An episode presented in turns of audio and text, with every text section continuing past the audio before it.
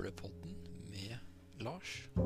I dag skal vi bable litt om Karl Ove Knausgård og hans eh, romanserie 'Min kamp'. Vi skal gå gjennom litt forskjellige tema, som hvorfor det var så viktig for Karl Ove å skrive den teksten her. Litt om hva andre følte når Karl Ove skrev den her og litt problematikk med pseudo-virkelighet.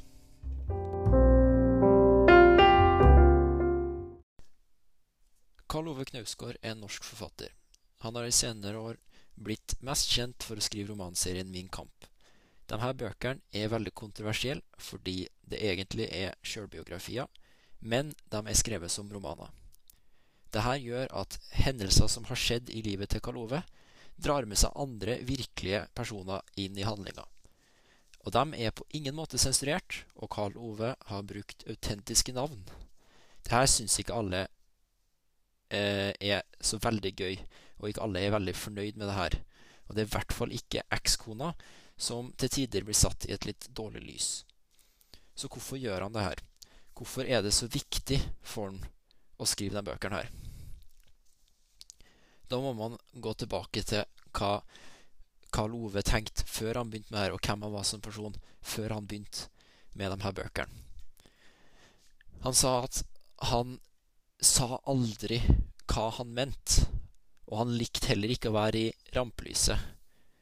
Eh, men han hadde en glede med å skrive om sitt eget liv. Eh, og han syntes det var så gøy å skrive om sitt eget liv, sånn at han begynte å, å utforske det her mer og mer. Fordi at når han skrev om seg sjøl, så måtte han definere seg sjøl. Eh, og da måtte han finne ut om han definerte seg sjøl riktig. Han sa at han prøvde å gi faen i det prosjektet her, men samtidig så tok han det på alvor.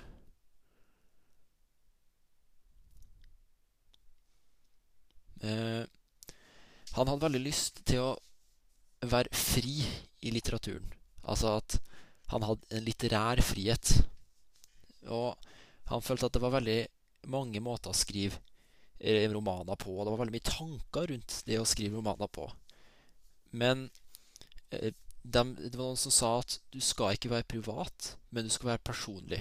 Men ikke privat. Altså du skal være personlig, men ikke privat. Karl Ove ville snu på det her.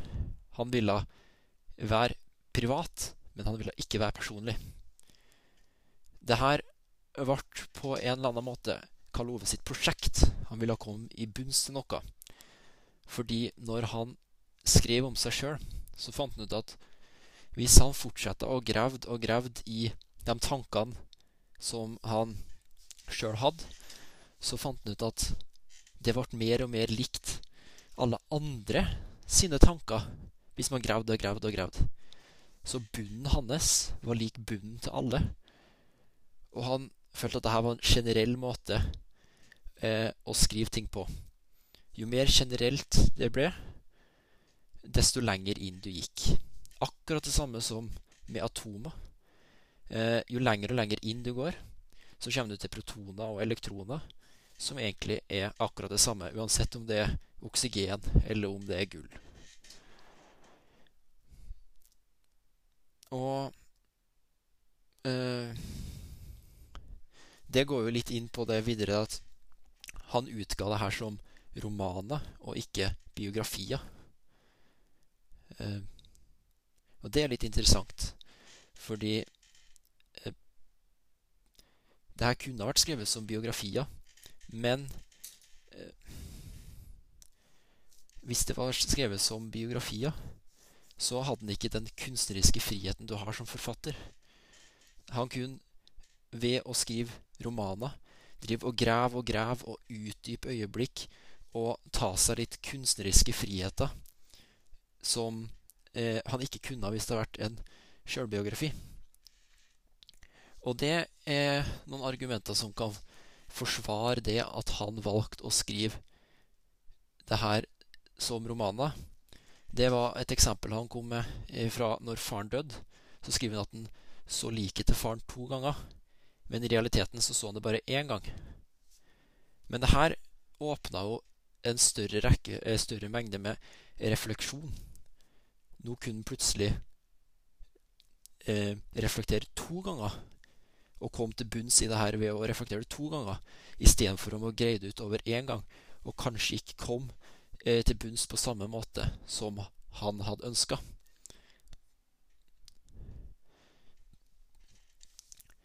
Men så kommer jo det eh, problematiske at man kan ikke alltid skille mellom fiksjon og virkelighet. Og det er et poeng eh, som eh, ekskona kommer inn på litt, at det her blir på en måte Knausgård sin fiksjon. Og Knausgård sin fiksjon blir det virkelige, fordi det er han som får fortalt historien. Og det eh, er jo et poeng at eh, når han skriver det, så skriver han det som han husker det.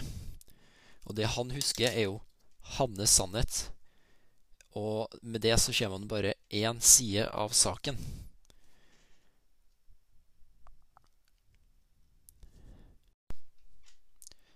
Som jeg sa, så var det ikke alle som var like begeistra over de romanene her. Ekskona Tonje var en av dem her. Hun følte at hun ble blotta, og hun følte at hun ble en ufrivillig romanfigur i de her bøkene. Eh, hvordan har den prosessen vært fra, for hun, og fra å finne ut at hun skal bli en romanfigur, og at hele livet hennes, fra hun møtte Karl Ove, skulle bli blotta, til nå, eh, mange år senere, når hele historien har kommet ut. Hun syntes jo det her var litt merkelig i starten. Så, men så fikk et eh, eh manus av Karl Ove og leste gjennom det. Og først så syntes hun det var ganske vakkert å høre på, fordi at hun fikk føle på forelskelsen på ny. Men det skjedde jo litt som i bok nummer to. Så fikk hun beskjed av Karl Ove om å ikke lese denne boka. Men når den kom ut, så fikk hun beskjed av venner om at eh, her er det noe du burde få med deg. For her er det noe som skjer som kanskje ikke du syns er så artig. Her snakka jo da Karl Ove om bl.a. hvordan Tonje eh, var utro mot, mot den. Og litt det der hvordan han forlot hun. Eh, og det Den prosessen Tonje må ha gått gjennom, er jo at du føler jo at ditt eget liv blir tatt fra deg. Du, du mister liksom det privatlivet ditt, som alle eh, har, har er mest på å ha. Det får ikke Tonje lenger, fordi Karl Ove tar det og blottlegger det. Det kommer jo eh, historier som Tonje da aldri vanligvis ville ha sagt til foreldrene sine, men som hun føler seg nødt til å si, sånn at de får høre det fra hun, og ikke fra bøkene til Karl Ove. Hun snakker jo litt med Karl Ove eh, i en podkast, og der spør hun om hvorfor det var så viktig å skrive de her romanene. Og Karl Ove klarte ikke å gi et ordentlig svar på det. Men det er litt det eh, med at han syntes det var så viktig å gjøre det her fordi at det var hans prosjekt. Og så mente han jo at han eh, eh, hadde gode motiver. Eh, det var liksom ingen som skulle Eh, få eh, blir eh, blottlagt sånn som de ble. Det mente ikke han at de skulle bli. da. Eh, og så mente han jo bare at han fortalte sannheten. Så han mente jo at det var forsvarlig, og at motivene var gode.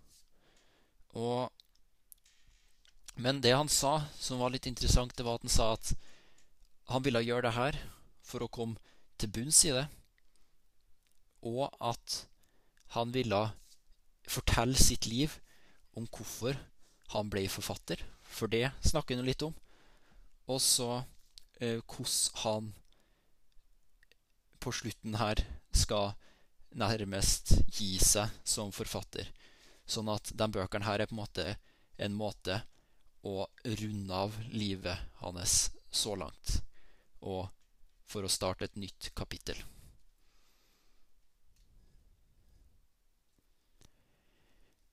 Men Tonje Ausland hun problematiserer jo hovedsakelig kanskje det bruddet mellom dem, og at han har tatt seg noen kunstneriske friheter som han kanskje ikke burde ha tatt seg.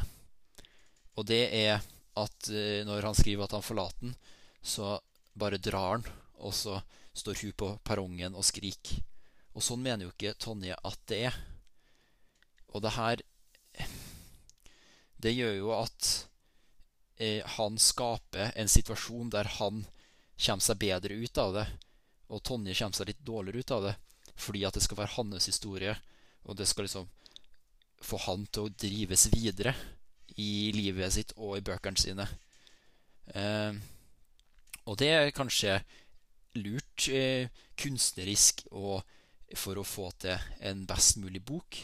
Men det her kan jo da ødelegge litt eh, troverdigheten i romanen. Eh, fordi Tonje mente jo at sånn her er det ikke. Og det sa jo Knausgård òg, at ja, men sånn var det ikke. Og da lurer jo Tonje på ja, men hvorfor skrev du det? Og det Han klarer ikke å gi noe bra svar på det. Men det ligger jo litt der at eh, Det var sånn kanskje han, han følte. Og det skaper jo da en historie som han mener er riktig. Og dermed skaper det jo en historie fra hans side. Og det her blir jo litt problemet, da, kan man si, med å skrive en roman og ikke biografier. Fordi når du skriver en roman, så blir det bare fra din side. Fordi det er ingen andre i de bøkene her som kommer til å skrive sin egen versjon om det. Eh, og det fører jo til at han får en altså Knausgård da, får en makt over eh, alle dem som er med i boka, hvor hans versjon er sann. Men hvis man tenker over det, og på grunn av den situasjonen her, hvor Knausgård nærmest lyver eller pynter veldig på sannheten, gjør jo da at det egentlig rokker litt med hele sannheten i, i boka.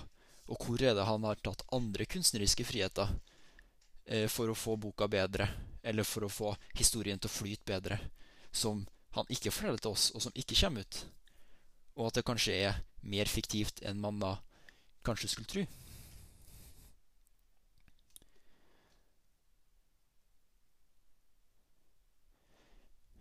Men det er jo tydelig at det er noen etiske dilemma her i den i romanserien her. Eh, og, men hvilke utfordringer kan man se? Eh, det første er jo det at han blottlegger, blottlegger andre.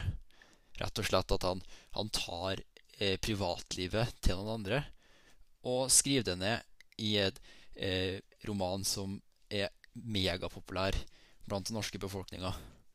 Eh, og plutselig så blir Tonje en offentlig person, selv om hun sjøl ikke har gjort noe sjøl for å bli offentlig. Eh, og det andre er jo det at når han snakker om det her, så blir det det at han eh, sitter i den maktposisjonen der han får fortalt til sin historie, og han kan si hva som helst om de andre i boka. Og så blir det på en måte hans historie som er den sanne. Og den tredje etiske dilemmaet er kanskje at litteratur det blir så det blir så direkte. Og det blir så vannfast. Når han skriver noe om noen andre, så blir det sånn. Og da er de personene sånn. Og det gikk Karl Ove litt inn på at hvis han eh, forklarer noen med skildring om hvordan de ser ut, at han hadde litt stor nese, eller han hadde en lang panne, eller eh, øyenbrynene var bustete, så, så, er det sånn den personen blir. Eh, og den personen kan ikke gjøre noe med det, fordi at han har jo ikke noe makt over det Karl Ove Knausgård skriver. Og det her skaper jo da et, en etisk utfordring hvor man nærmest kan bli tråkka ned på uh, over ting man ikke kan gjøre noe med. Og da kommer man jo tilbake til det på at uh, spørsmålet om hvor stor kunstnerisk frihet bør en forfatter ta? Og det fins jo ikke noe fasitsvar på det. Eh, men det er jo tydelig at han må jo forklare sanningen og sanningen så riktig som mulig, uten å legge til ting som ikke har skjedd, eller som gjør historien til en helt annen, eller som gjør at folk, noen andre, kommer i et mye dårligere lys bare for at du skal komme i et mye bedre lys. Og et eksempel på det er jo det der med den episoden med Tonje hvor han forlater hun. Eh, et eksempel på hvor det her er, kanskje man kan argumentere for at er tillatt, er jo når han treffer på faren sin etter at han har dødd. Og Da sier han at han treffer på faren sin to ganger istedenfor én. Og det gjør jo at han kan skildre den situasjonen og den hendinga eh, mye mer, fordi at den har to ganger å gjøre det på. Og da blir det plutselig, i mine øyne, da, ok. Fordi det, ingen, det går ikke ut over noen. Men historien blir kanskje mye bedre.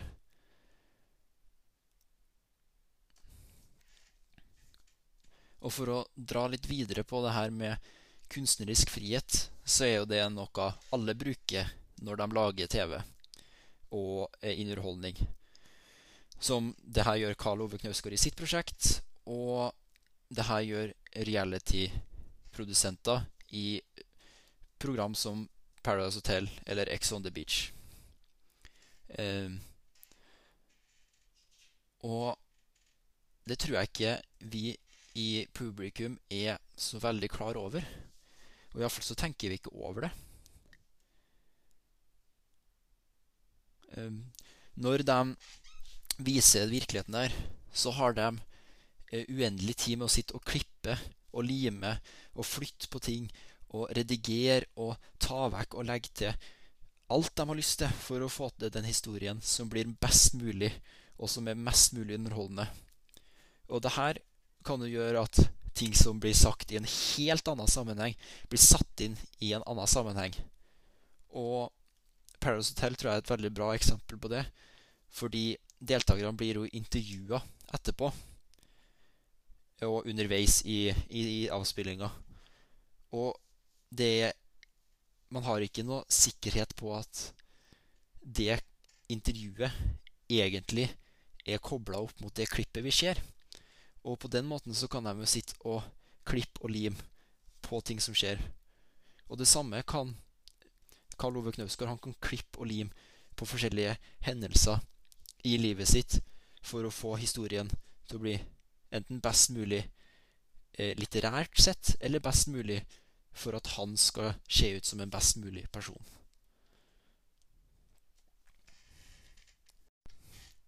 Det er tydelig at romanserien til Karl Ove Knausgård har fått mye oppmerksomhet.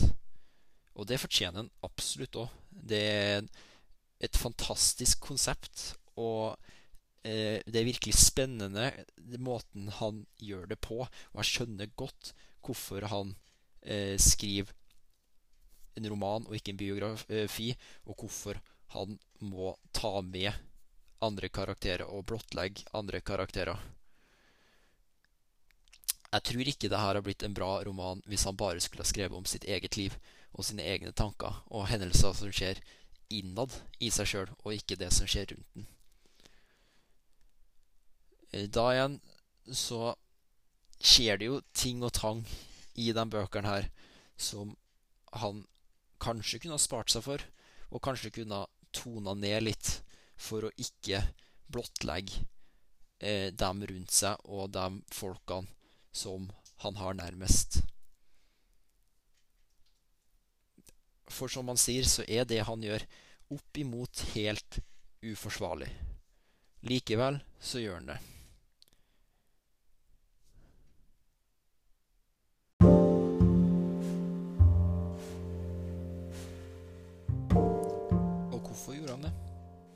Det kan være fordi han bryr seg mer om prosjektet enn det han gjør om menneskelige relasjoner. Det virker som det var så viktig for han å få til noe. Det var viktig for han å skrive om det store og komme til bunns i det han skrev om. Og i dette tilfellet så var det store han skrev om, det hadde blitt det lille, nemlig det hverdagslige. Det her har vært Bablepodden, og du har hørt på meg, Lars. Håper vi ser deg neste uke. Da skal vi snakke om kjemi, og mer spesifikt organisk kjemi. Vi snakkes.